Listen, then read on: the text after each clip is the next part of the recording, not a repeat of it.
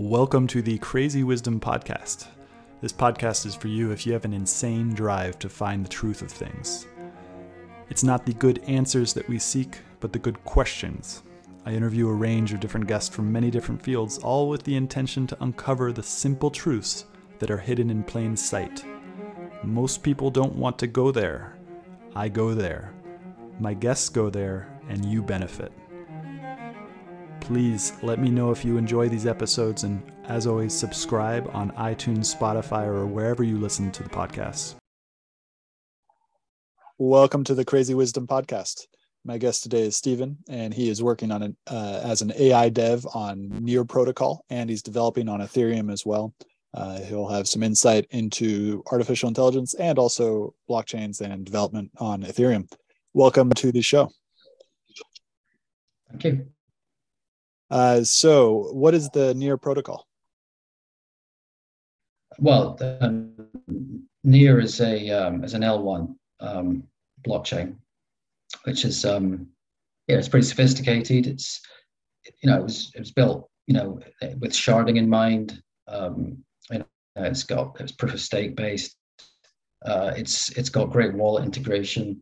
I'm I'm a, yeah I'm a bit of an advocate for for for Near and, and, and their blockchain. So um, I was attracted also to the fact that you could use, you know, Rust or JavaScript or whatever your favorite, whatever your favorite languages were, the common ones, and you know, for, for writing applica- at the application level, your smart contracts, and then it would, um, you know, the, the virtual machine for for Near is based on WebAssembly, so it's it's more, you know, I, I think it's more of a standards compliant thing than Ethereum's virtual machine. So I, I, I was attracted um, to that aspect of it too. I think. So uh, I've got a, I've got a few questions based on that. Uh, what exactly is a virtual machine? Well, a, a, virtual machine is is basically something which is interpreting bytecode um, on a on an actual machine. So it's not running binary uh, code. It's it's interpreting uh, something something which isn't you know underlying um, machine instruction code and, and it's, it's running in a, in a virtual environment uh, with you know with its own memory models and everything else. So it's not it's basically something which is is interpreting um, rather than running directly on the metal. And uh, so do the, the, when was the first virtual machine created? I imagine like it go, does it go back to c? It is does c create a virtual machine that is required to translate that into machine code? Well, C, C is, um, is a language used to compile to um, you know, machine code to, to binaries. Um, I actually don't know what the first ever uh, machine, um, virtual machine was, but the first one I, which I used was, you know, Java's virtual machine. So uh-huh. JVM back in the day. So, which is obviously still still still still being used today. I mean, it's it's a big deal. Uh, so Java, Java Virtual Machine was probably the first yeah. one that really started to create market share in terms of de- developers using it. Uh, to it does it simplify? Does it simplify stuff for the developer basically? Yeah, I mean, it's well. First of all, first of all, one of the benefits of using it is you can use it on any platform very quickly. Uh, you know, you don't you can you can run like, you know Java or Python as long as you've got the the the interpreter, the virtual machine um, compiled for your for your um, your operating system and and processor, you can run any any bit of code, you know, on any on any machine, any platform. I think that that was that's one of the attractions. Uh, but also, obviously, modern modern virtual machines can also outperform in some sense, um, depending on what you're doing. They can out, outperform um, even machine code compiled programs because they use the, they they can dynamically adapt um, the code, the way the code's running to to the data or whatever, in a way which statically compiled programs to machine code can't necessarily do. So there are some aspects to that, and also security too is a big security too is a big deal.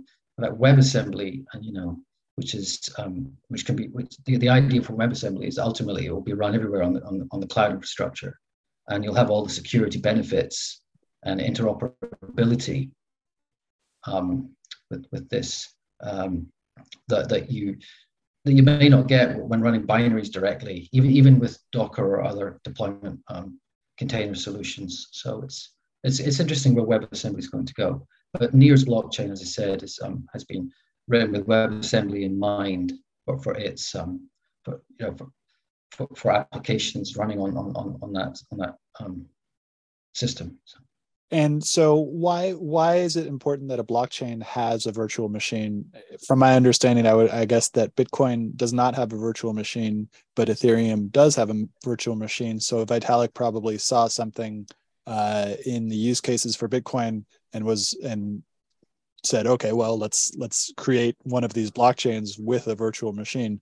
Uh, why is that important? Mean, ultimately, I think the idea I'm not really an expert, I'm not knowledgeable in the history of development of, of, of Ethereum's virtual machine, of Ethereum and, and EVM, but I, th- I think I think the idea was well, you know, you want to be able to allow it, not just transactions from users, but you want to be able to allow, you know, a, a computer to basically run, a giant global computer to run, um, which can allow you to, to generate transactions dynamically, you know, procedurally. So, you know, hence the whole, you know, decentralized decentralized finance and everything else, which is which is come on, on, on the back of that. So okay, um, interesting. So why so why does it why okay uh, i'll explain my understanding and you can you can tell me why i'm wrong uh, so we've got bitcoin bitcoin is a simple blockchain that basically just does transactions from a to b uh, and it does that in a reliable way uh, and you know there's just a whole bunch of people transacting value on the network uh, and then ethereum and I'm assuming Near as well, is a blockchain that allows for this thing called decentralized finance. And decentralized finance not only allows just simple transactions of value, but it also allows for um, staking and staking, which is locking that value into a contract that, that accrues interest over time. Um, is that an accurate representation of, of what I just described? Yeah, I mean, uh, so you know, decentralized exchanges, centralized exchanges, staking, all of these things that you know they can all be modeled, you know, with a, a contractual interface, a smart contract of some type.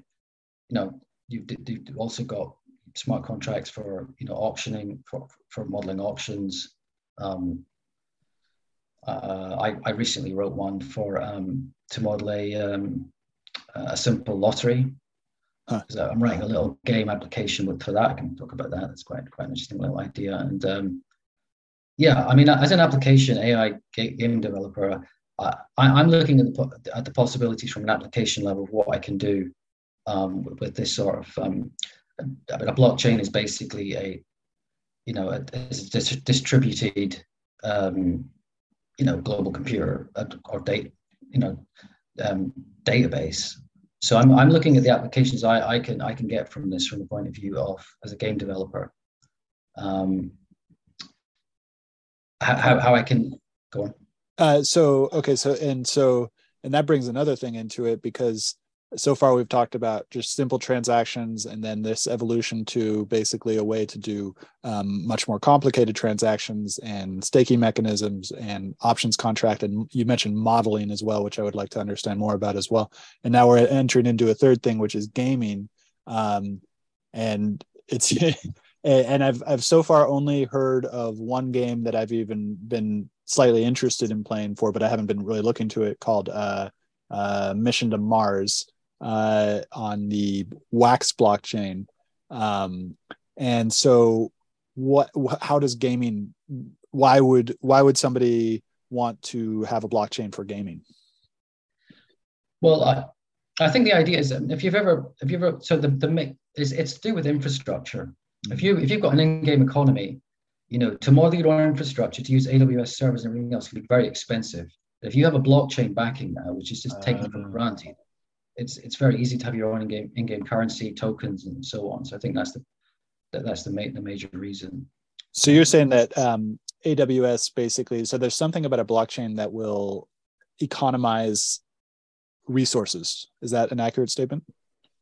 Yeah, that's right. When, when, when I think about using blockchains for uh, game applications, I think, great, well, I can have an in-game, an, an in-game economy currency, and I can use the blockchain to, to do all the hard work um, for me. I just treat that as a, uh, you know, as a given. I don't have to worry about developing my own, you know, or running my own servers, um, you know, to, to, to manage um, that, that sort of thing. So. Okay, that's really. Uh, but it's, but it's, it's it's it's bigger than that as well because I mean, when you get into zero knowledge proofs and all, all the other sophisticated things we're coming with blockchains, it's not just about you know as a whole the technology has has, has huge potential in, in all sorts of all sorts of different ways. So. Yeah. that's really interesting, and I imagine that it has something to do with sharding as well, because that was a question that I had. Um, what is the relationship? Well, what is sharding? Uh, what is are zero knowledge proofs, and what are the relationship between those two things? Okay. so I don't think there's a, I, I think I think they're independent concepts. There's specifically a relationship between them. And sharding, as I understand it, is it's basically a way of increasing throughput of the transactions. I think I think it's throughput and not specifically latency. So throughput is the number of transactions you can push at the in, into the you know into the network at once, and and they'll be processed um, more efficiently. So, but by using sharding, you can basically you're basically breaking up your, your blockchain into as, as as the name suggests shards, so that this thing can be can so you can basically get more parallelism out of out of the way you process transactions. I'm, I'm certainly not a, a blockchain protocol developer, so you know that's about the limit of how I could describe um, what, what sharding, what what what you benefit, what benefits one can accrue from sharding. Um, I think Ethereum's approach to that will, will it's, it's coming at some point. I'm not sure when, but they seem to have some uh, an approach to sharding which is um, based on blobs or some some other um, some other features, and I don't I don't fully understand it. Um, so I I don't know if it's overcomplicated or or an elegant approach. So that's that that's something you might want to ask when if you interview somebody who knows a bit more about that aspect. Um, zero knowledge proofs. Do you know anything about? Uh, yeah, let me yeah, let me give my understanding. So uh, I I believe that it is a way to solve for transacting between two parties who don't trust each other, uh, and so that there's zero knowledge is required uh, of the other party in order for the transaction to go through. Is that accurate? Yeah, it's it's you know you, you might you have a credit card transaction and you might have some transaction rather which requires you um, to prove that you, um, you you're, you're the person who has has ownership of, of some some card without actually revealing any personal details. Um, so the idea is you can you can prove that you know you can prove something without revealing um, things to the other the other as you kind of alluded to uh, the other party. Um, and on on the blockchain, yeah, I think one of the benefits of, of, of, the whole zero knowledge approach is that you can you can do stuff offline outside of the blockchain and then provide um, a succinct, if you like, representation of what you did without revealing too much. And the blockchain has less work to do, and it and it is not. It's it's, it's also less. It's, it's so the blockchain will provide an authoritative um, transaction at the end of the day with with doing less work, um, and also without um, having without you having to give as um, as any more details as necessary. Um, so I think that's the point. Yeah, that's uh, that's really interesting. So uh, it brings to mind something I've been learning about with Urbit uh, and a lot of other things these days on the internet. It seems is that everybody's trying to approach this problem of determinism uh, in in building software. So like, and somehow that's related to protocols uh, uh, because somehow it makes software maybe less complex is if these are deterministically uh, defined things. So you just like define everything ahead of time in these very specific ways that makes software maybe less complex or more able to be used by people who don't trust each other is that what is what is determinism when it comes to software that's a big philosophical question. I'm not sure I can answer that one mm-hmm. succinctly. Yeah. Um, so, okay. So, what is the relationship between zero knowledge proofs and KYC networks? That also might be a question that is outside of your bounds, but yeah, it's, it probably is a bit outside of my bounds. But I, I think you will be able to. I think one of the benefits, if if, if they manage to, um, I think one of the benefits would be that, you know, I think with KYC, there, there's a legal aspect to that, you know. Um, so I'm not sure how that relates to zero knowledge because it could be, well, we need to know as much information as possible about you before you can use these systems for yeah. money laundering and other things. So uh, as we know, we could the more the more people push towards uh, private privacy with these things, more governments kind of react to that, as we saw with the, um, guy who was arrested for um, writing, writing open source open source software um, support for uh, Tornado Cash, as you, as you mentioned. you know, it's not as simple as saying. I, I think if we we wanted absolute privacy, we, we you know we, we can we can that that that's already possible. Um, but you know, there's there's legal questions coming up. Yeah, so, so it's it's like there's this well, from my understanding, basically technology, maybe my ideological um, uh, uh, leaning is that technology will we will eventually escape the centralized forces that are after it in terms of uh, uh, uh, trying to put bounds on on how technology will be able to get around these these these legal questions and it's really interesting because that seems like what ethereum was doing maybe is still doing uh, but i'll also i've started to read that ethereum is getting much more into cens- censorship uh, possibilities um, and so it's like it's my understanding that technology will outpace the government's ability to try to regulate it. So, from my understanding, the relationship between what you just said with zero knowledge proofs is that eventually it's going to get to the point where uh, there will be things outside the bounds, but maybe in the United States it might be difficult to actually use them. Maybe in I, I imagine that you're in the UK, uh, that that you know in these countries it may may be difficult to actually use these things uh, because the government puts up so many boundaries. But somewhere in the world where there's a computer there will be this development going on that will eventually out that escape the the ability for the government to kind of do these things. What do you think? Yeah, it's it's going to be a complicated. I, I don't know how that that's going to play out, but it's going to be messy. That's all I can say. We yeah. definitely have, you know, I, I, I could, as you we have a conflict at the moment between what uh, the states, you know, what governments think is um, is, is suitable and what, what we're capable of, of doing with, with these sorts of things. So mm-hmm. I don't know where that's going to lead. That's a you know nobody does. We'll see though. Um, uh, okay, so let's go back into uh, blockchain and AI. I, I, would love to talk about AI. Before we talked, to you had mentioned that you're not um, at, at cutting edge artificial intelligence, but you have worked with artificial intelligence when it comes to gaming. Uh, what are your thoughts on artificial intelligence as it stands right now?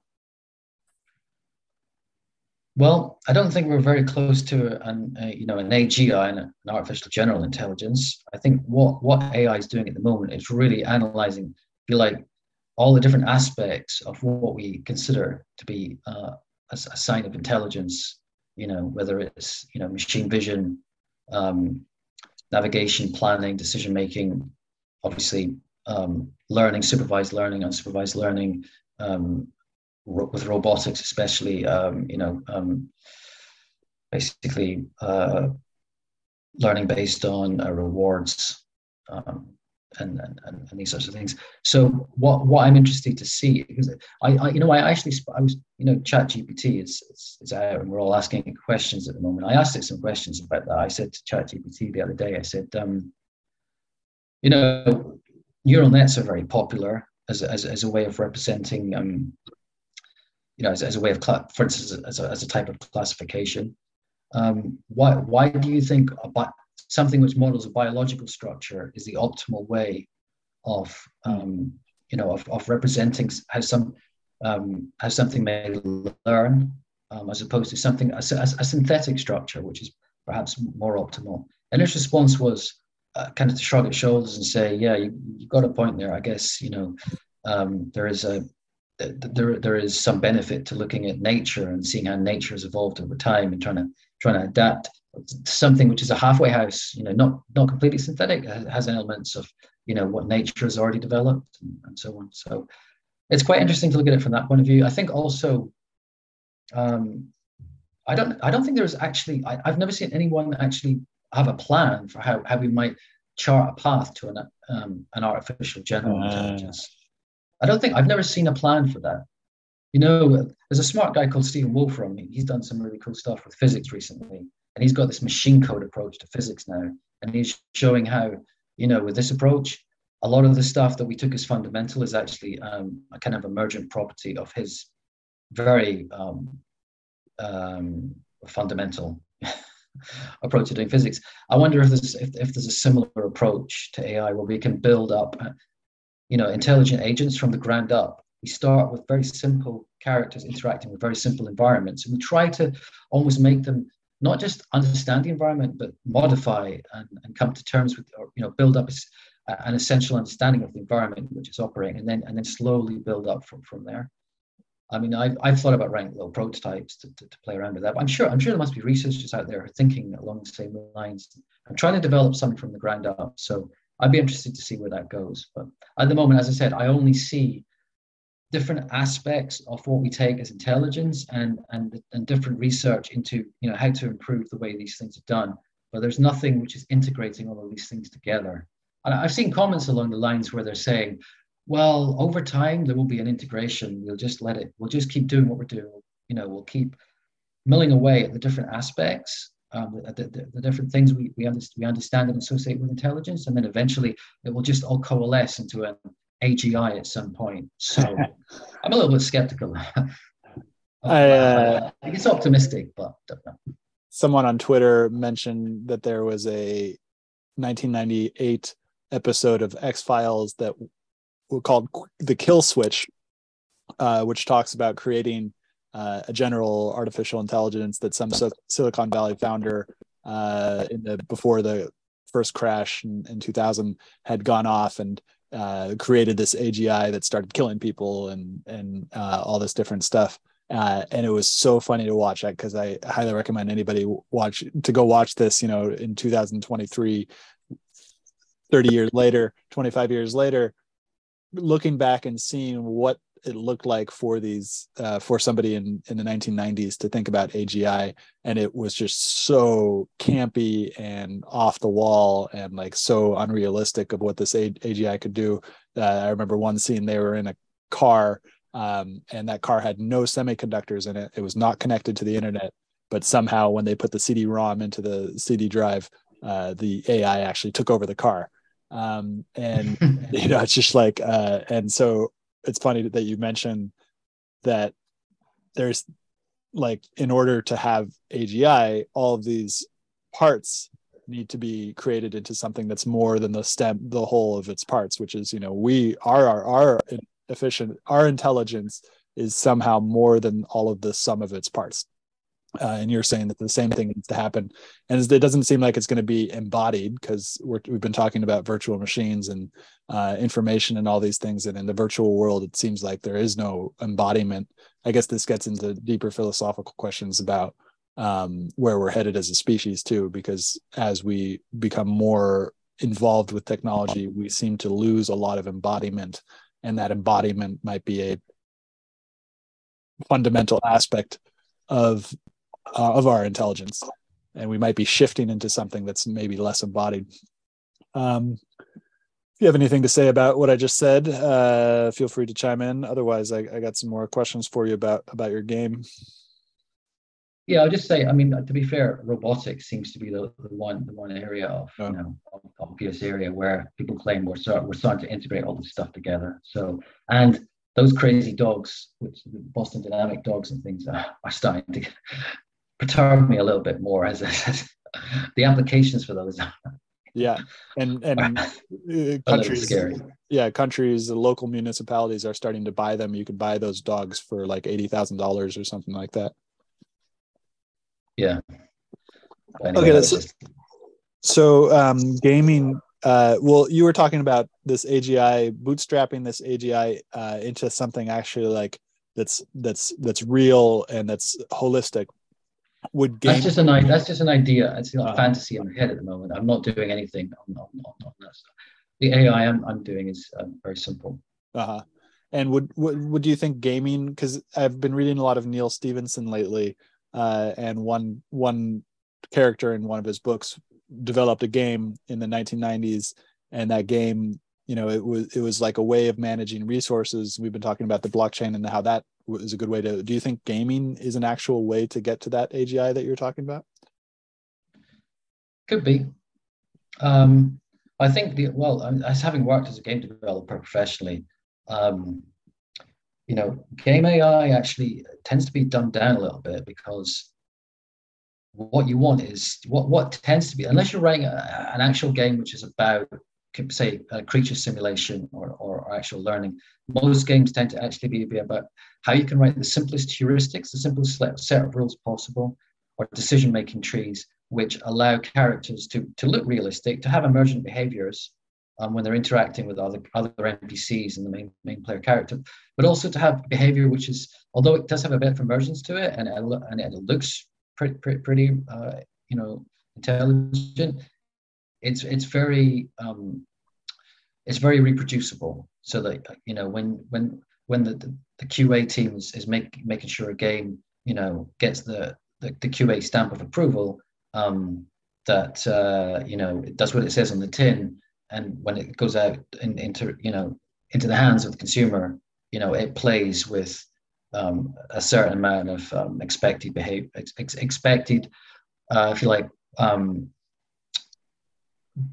an expected range of, of uh, behaviors, basically. Without without because if you, if you allow characters to uh, the behavior of the game to evolve and develop over time, then you just don't know where it's going to lead, and you can't you can no longer say that this game, you know, is is what we say it is. So as I said, unless you're specifically making games for creature simulation, where that is the expectation, first you know first person shooters and most of the game, even real time strategies, most of the games out there, you know, will will will design behavior which is very static, which doesn't really change over time, and and we'll try to limit um, any any learning on the part of the characters.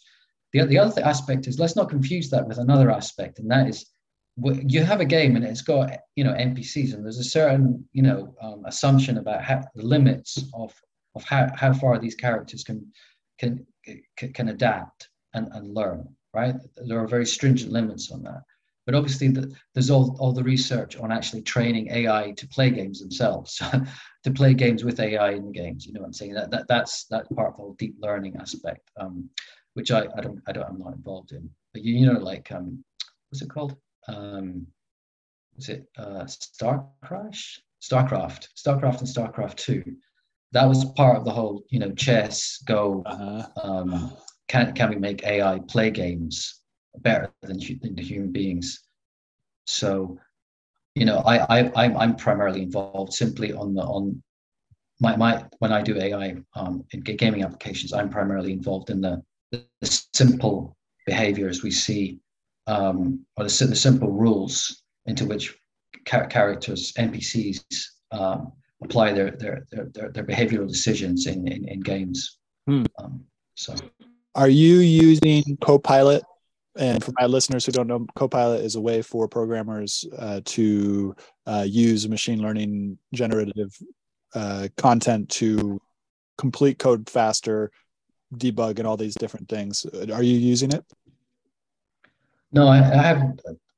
I, I haven't needed to use it. I'm, I'm I've been developing for a long time. I can I can pretty much I can pretty much hammer out code myself. But I might actually try at some point because you know, it's the problem. The problem is if I get something to generate something for me, I still have to review it. Yep. And I think I for, for me, I just find it faster to to to do it and and therefore review it at the same time myself. But Interesting. Per, per, and you haven't you haven't started to use Chat GP to help you think about coding problems at all? Oh, that's different. Sometimes when I'm thinking about things, I will fire, fire questions its, its way. Actually, hmm. it's quite useful. So, so you are starting. Eh, that's the main thing that I've, I'm not a developer. Like I'm a beginner, beginner, beginner, and um, uh, one of the things that I learned in one of the courses that I took was uh, something called rubber duck debugging, where you instead of asking someone else, you just talk to a rubber duck about your problem out loud.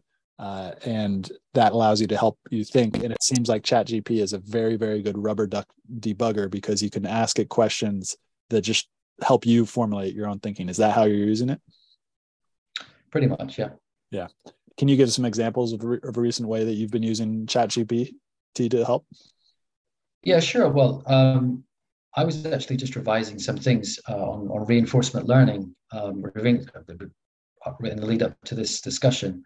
And I was just going over, um, asking it questions like, okay, well, you know, what does it mean um, to, to, to, discount uh, what, what is what is the idea? What, what is the notion of discount really, discounting really meaning when looking at, um, if you like, when you're doing reinforcement learning, you you try to work out um, how, how much you value making decisions which which which lead to certain rewards. When when you get those rewards, um, you you're in a new state of the world and there is a, a, future there is a future state which which will follow on from that according to the policy that that the um, that the learning agent is um, is using. So with this with, with this the discount parameter it told me and i was just revising this this just this now is is a way to basically say well we don't know for instance really about what could happen in the future. The, the, the agent could get cut off. It could be shut up it could be shut down the idea of, of discounted learning, there, therefore, is to say that the future counts a little bit less than the present when evaluating um, the, uh, if you like, the, the value um, or the, the um, yeah the value to which um, a, a, reinforcement learning algorithm um, puts on, on on the current state, um, given a certain reward for that state. So, I the, these sorts of questions are really helpful when you when you ask when you ask them and then you, and then you, the nice thing about ChatGPT is it remembers your questions so that you ask it a subsequent question, a follow-on question. So I might say, sorry, could you explain what this means a little bit more? And then it, it might actually come up with a little formula and, split that down. I should find it, it's just very good for just learning. I'm, I'm, I'm, I'm very impressed with it. Sometimes it does reach the edge of, if I get political or I ask it something which is not really to do with uh, games or um, AI or anything like that, it's it starts to get a little bit well this is what you know this is what we're supposed to believe so this is what i'm telling you. Uh, and do you think that these developers who are working on open uh, OpenAI at OpenAI, do you think that they're going through a, a, a, ahead of time and hard coding those answers into it, or have they somehow developed the algorithm in a way to um, to pick out controversial questions and then somehow steer the steer the algorithm to answering them in a certain way. What do you think is going on there? I don't think there's any um, if you're asking if there's any political influences or um, you know or opinion opinionated uh, bias in, in, in the thing I, I, don't i don't i really think so. I, I suspect it's i well I, oh. there's a feedback mechanism in chat gpt and i don't know how that that feeds into their um, they're tweaking the um, the weights or whatever they're, they're doing for their um, you know large language model approach to um, to learning. So I, I, I, I don't fully know how the feedback mechanism is working. But I could have asked ChatGPT that myself, to be honest. well, and there's there's almost maybe there's two there's two black boxes that are going on. Everybody that I've talked to about AI always talks about black boxes and you know whether the whether the algorithm itself is a black box, whether OpenAI actually knows knows how the AGI uh, the well the AI is is coming to decisions, and we might not even be there at that point. And my understanding is that there's supervised learning and unsupervised learning. Supervised learning is not a black box. We can actually the people who programmed it can understand what is going on, and then the AGI kind of unsupervised learning. I used AGI incorrectly there, but unsupervised learning is a black box where the developers who developed the thing don't understand how it's actually coming to these decisions. And then there's another interesting thing that comes into mind as well, which is that um, a lot of times pharmaceuticals those are black boxes to us. We we prescribe things that we don't actually understand how they're working, um, and so. There, but then there's another black box, which is how the company is actually making the decisions that they're coming to, which they don't share publicly unless they're open source.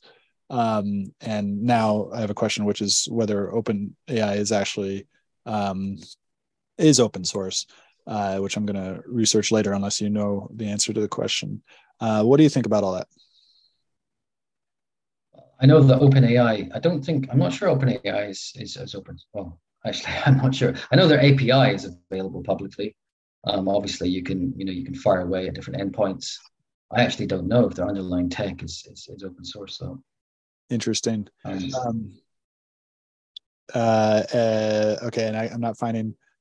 It's not open source, according to some random Reddit that sh- showed up on Google. It's not open source, um, and it's not free. It's not transparent. It's not for the greater good. Uh, it doesn't matter what they tell you. Uh, that's just something that showed up. I didn't fact check it at all. Um, so, but you can use you can, you can use it as a black box publicly. That, but that, yeah, you're right. The actual tech is not available. The tech and the decision making within the company is not open source. Uh, something re- recently I've been hearing as well is that open that AI doesn't actually have um, moats around the business. So to explain that a little bit further, uh, you know, some the best businesses usually have moats which nobody, no other businesses can cross. Try to find an example. For example, would be Ford. Uh, Ford has a great, you know, all car manufacturers that have that are established right now have huge moats around them. Uh, you know, Tesla's coming to try to take over the moat, but it's really difficult. And what I've been hearing recently is that AI, oh, and another good example would be um, ASML, the company that creates the technology that can create advanced semiconductors. Uh, they have a great business moat because it takes years and years and years of R&D to develop that that semiconductor. So nobody can come and and, and take it.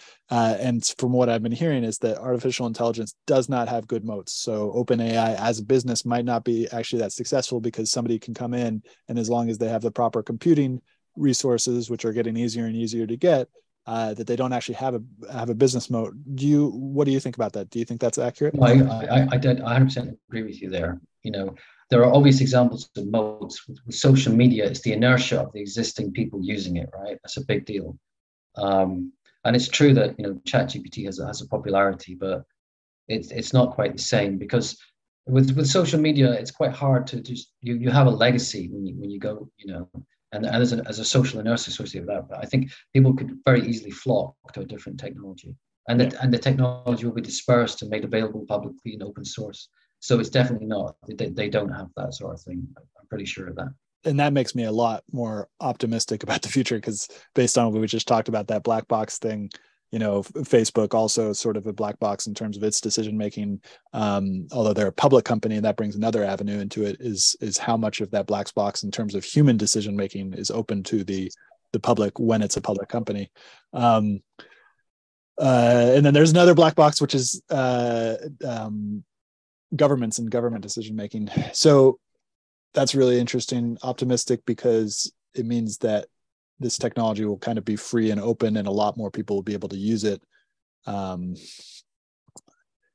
i want to save time to talk about the protocol that you're actually working on as well but it, it also bring what i just said brings in this sort of discussion of the evolution of the political leanings of software developers particularly in silicon valley and i've been reading this book called code um, which is by margaret O'Mara who talks about how the federal government was integral to the creation of Silicon Valley in the 1940s, 1950s, 1960s. And in that early wave of technology that started in the 1960s and 1970s, it was mostly like conservative Republicans of the Reaganite types uh, who created the conditions for Silicon Valley, bunch of defense money, bunch of all that. And then starting around the late uh, 70s and 80s, a lot of the people who had been for, informed by the 1960s and the kind of openness and, and progressiveness. Uh, so the people who started creating technology in the 1980s and became really popular were much more progressive. Um, and, and that's kind of led up to where we are now. You know, Steve Jobs, he, I would probably met he, you know, there's a progressive company, and a lot of people who are involved with Apple are very, very progressive. Um, and so and now i see there's kind of like almost a, a backlash back to the conservative but now all of all those political labels seem to be sharding uh, to uh, bring in a, uh, something we were talking about earlier it seems like we're about to break open into this thing where these nice cute labels that worked during the tv generation don't really work anymore and now it's all kind of splintering um, so we can talk about your game or we can talk about what i just said all right, we, we can talk about and politics for a little bit. what do you think? Well, no, I agree with you. I think during the pandemic um, period, I think um, a lot of people um, had had certain political convictions which um, started to dissolve at that, you know, um, dissolve away, and, and, many people found themselves politically quite homeless. And as you say, that the left-right distinction. Um, well, the thing about left-right is that there's so many different dimensions to, to life and you can be left right in different in different ways in different aspects but i think there's a ge- there was a general left right axis which no longer really exists anymore you know um, that that much is for sure Yeah. So I, you live in the US, I live in the UK, so slightly different. Yeah. But also, yeah. And again, it goes back to that splintering because we're slightly different when we're talking, but then you bring in somebody from Thailand and all of a sudden our similarities start to become much more, much more, um, you know, uh, much more important to the conversation. Um, okay, so let's talk. Let's talk about the the the the game that you're creating, the protocol that you're you're actually developing. What what is that? Yeah, well, I've actually got a couple of prototypes in the go. Um, the first one, so NFTs were very popular and you know 2021 in particular, and I, so I, I, I put together a prototype on for a slightly different way of um, uh, if you like, um, an NFT with a, a, slightly unusual gimmick. So most NFTs were based on quality of the artwork, or maybe just the the, the cult status behind the little PFP, um, uh, ten thousand you know avatars of this of this of this theme, whatever. So what I was developing was uh, an, an AI um, based gimmick for for NFTs. The idea is that user would have a um, an animate an animated character, um, uh. and the animation itself was basically a something you could train using AI. So it was it's modeled as a kind of a, a state um, a Markov chain, which is a, a way of um, just formalizing how an animation might might might move from one trans- transition from one one segment to another in a, in a, in a way which could could have randomness. So the idea is that when you purchase your car, when, when you when you when you own your character, when, you own this NFT character, you you have the ability to retrain it to um, if it's doing it, if it's a, maybe it's a martial arts character or a dancing character, you have, you have this ability to then a- access um, the platform I was developing as the owner of the NFT and retrain it to, to your liking. So you, mm. you hmm. get to basically own the soul of the character, if you like. That was that was the gimmick.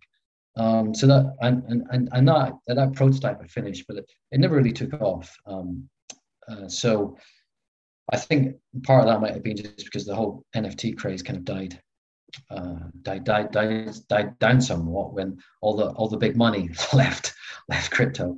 And the, so what what I'm actually working on now is a um, so obviously talking about NFTs. I, I mentioned a lottery smart contract.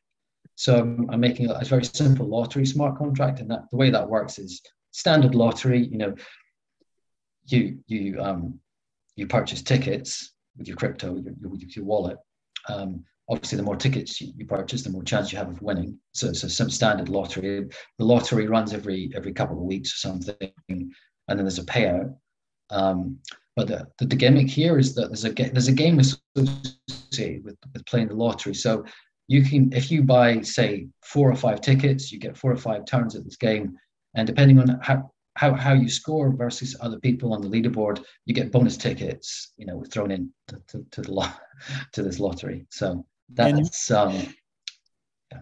you developed this on ethereum or did you develop it on near so my, my smart contract at the moment is running on evm um, i've got i've got a couple i haven't tested it properly on, on near yet so I, I, I do on I do I do it for Ethereum with EVM first, and then I follow up with Near because it's oh interesting.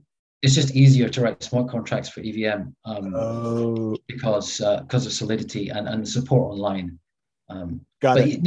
You Near have good documentation for this stuff, but I I start with I, I do Solidity first, and then and then I move on to, you know, if if, if things work out, I then move on to um yeah. you know compiling my, my contracts for Near and that's really and and when you do it on near you said you like rust. Are you doing it using rust? Yeah i, I write on my contracts with rust. When you're using near but when you're when you're writing it for the evm you're doing solidity. Yeah that's right. I use i use um, a toolkit called foundry which is actually a rust-based toolkit oh. for, for solidity for solidity that's interesting yeah. but do you, but do you need to know solidity in order to do that yeah you, you def, definitely i mean and you know what so with solidity, you have to be careful with with all of these things um, that you're uh, for, for, you're writing something which is efficient on gas and and you know it's it's has security and everything else. So um, you need to get it. You should you should always get your stuff peer reviewed. Um, you can you have to pay for it sometimes, or you can go into community forums and things. So that's one thing I haven't done yet is get my get my stuff. I've read you got to write you can write. There's only so many unit tests you can write. There's always, you know, if if if you're not careful, there's always something you're doing which is just either wasteful on gas or um, it's it's not it's not not very secure. Uh, that just gave me a good idea for a sort of new kind of chat GPT type of um, idea, which is to peer review the uh, the solidity code that you're writing um, to make sure that it's working. What do you think about that? That's an interesting idea. Hmm. Um, I've, I, have never used, I've never thought about using using that to vet um, to vet a smart contract. And um, and basically the the thing that you would need to do in order to do that would be basically train a a model, a train a an algorithm on a bunch of data. And I think I read that ChatGPT was like something like eight eight million or eight billion. I think it's probably eight, eight, eight million um, documents or something like that. Um, so you need to like coalesce a huge amount of data. The thing that brought this to my mind was I'm, I've become uh, obsessed with this new thing called Urbit, and Urbit written in a programming language called Hoon, and I can use ChatGPT to teach me how to teach me how to use Python but I can't use it to teach me how to teach myself uh, Hoon because there's not enough data in the archive of ChatGPT to actually teach anybody Hoon. Um, and uh, and so you just need a whole bunch of data. So to create something, I haven't even heard of it. Go. What'd you say? I haven't even heard of it. Hoon. Oh yeah. So you so you have you haven't seen my rantings on Twitter about Urbit and Hoon. Um, uh, so yeah, Hoon is a functional language. Often people actually talk about it uh, in uh, like um, like like Rust, but uh, but uh, Urbit itself is a whole new operating system, like a replacement for Linux, uh, but it's got its own functional programming language, and it's all based on peer-to-peer. So it's like BitTorrent meets um, meets Linux. Uh, so it's a whole new way of computing, basically. That's that's peer-to-peer uh, and uh, it's like it's fascinating for me based on what we've talked about. I think you'd, you'd find it interesting.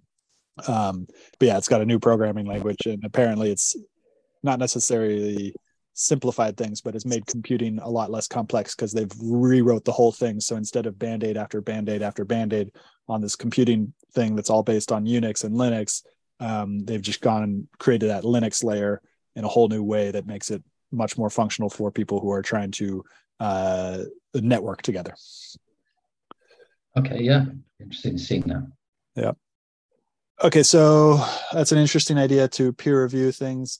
Problem I'm facing is that I've got all these ideas that I love thinking about, but then I'm not a programmer, so it's difficult for me to to to actually do these things um, unless I have money, and I don't have a lot of money right now because of the crypto crash.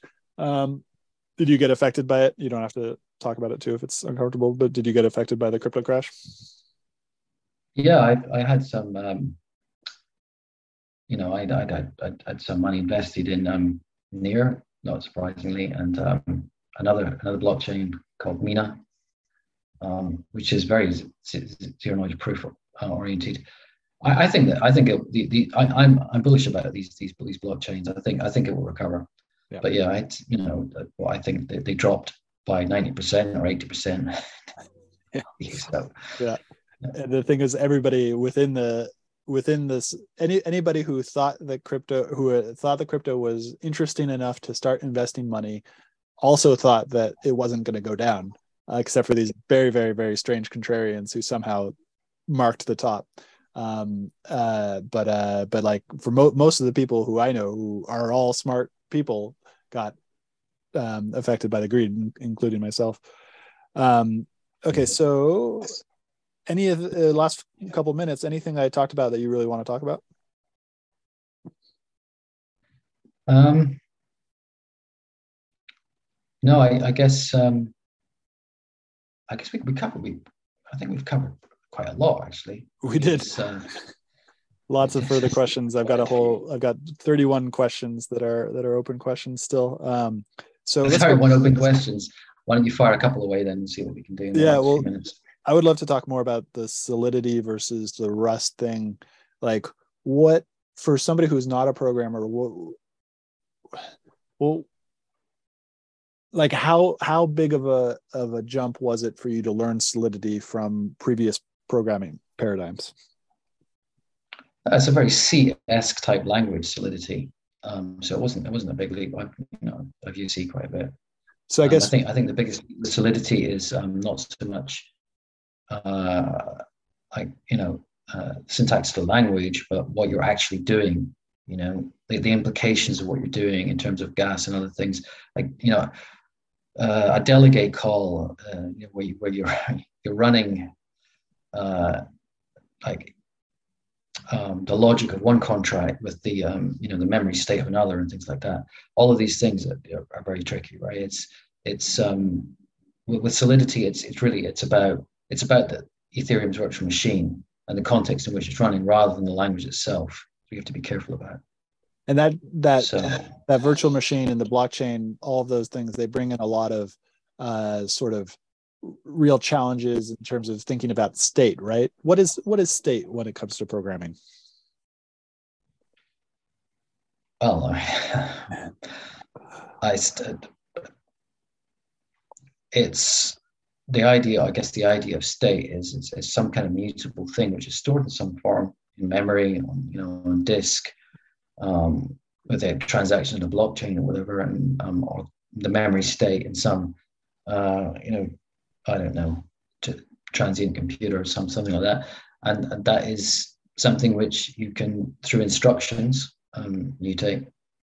So state is, uh, yeah, state is, if you like, the data upon which a program runs.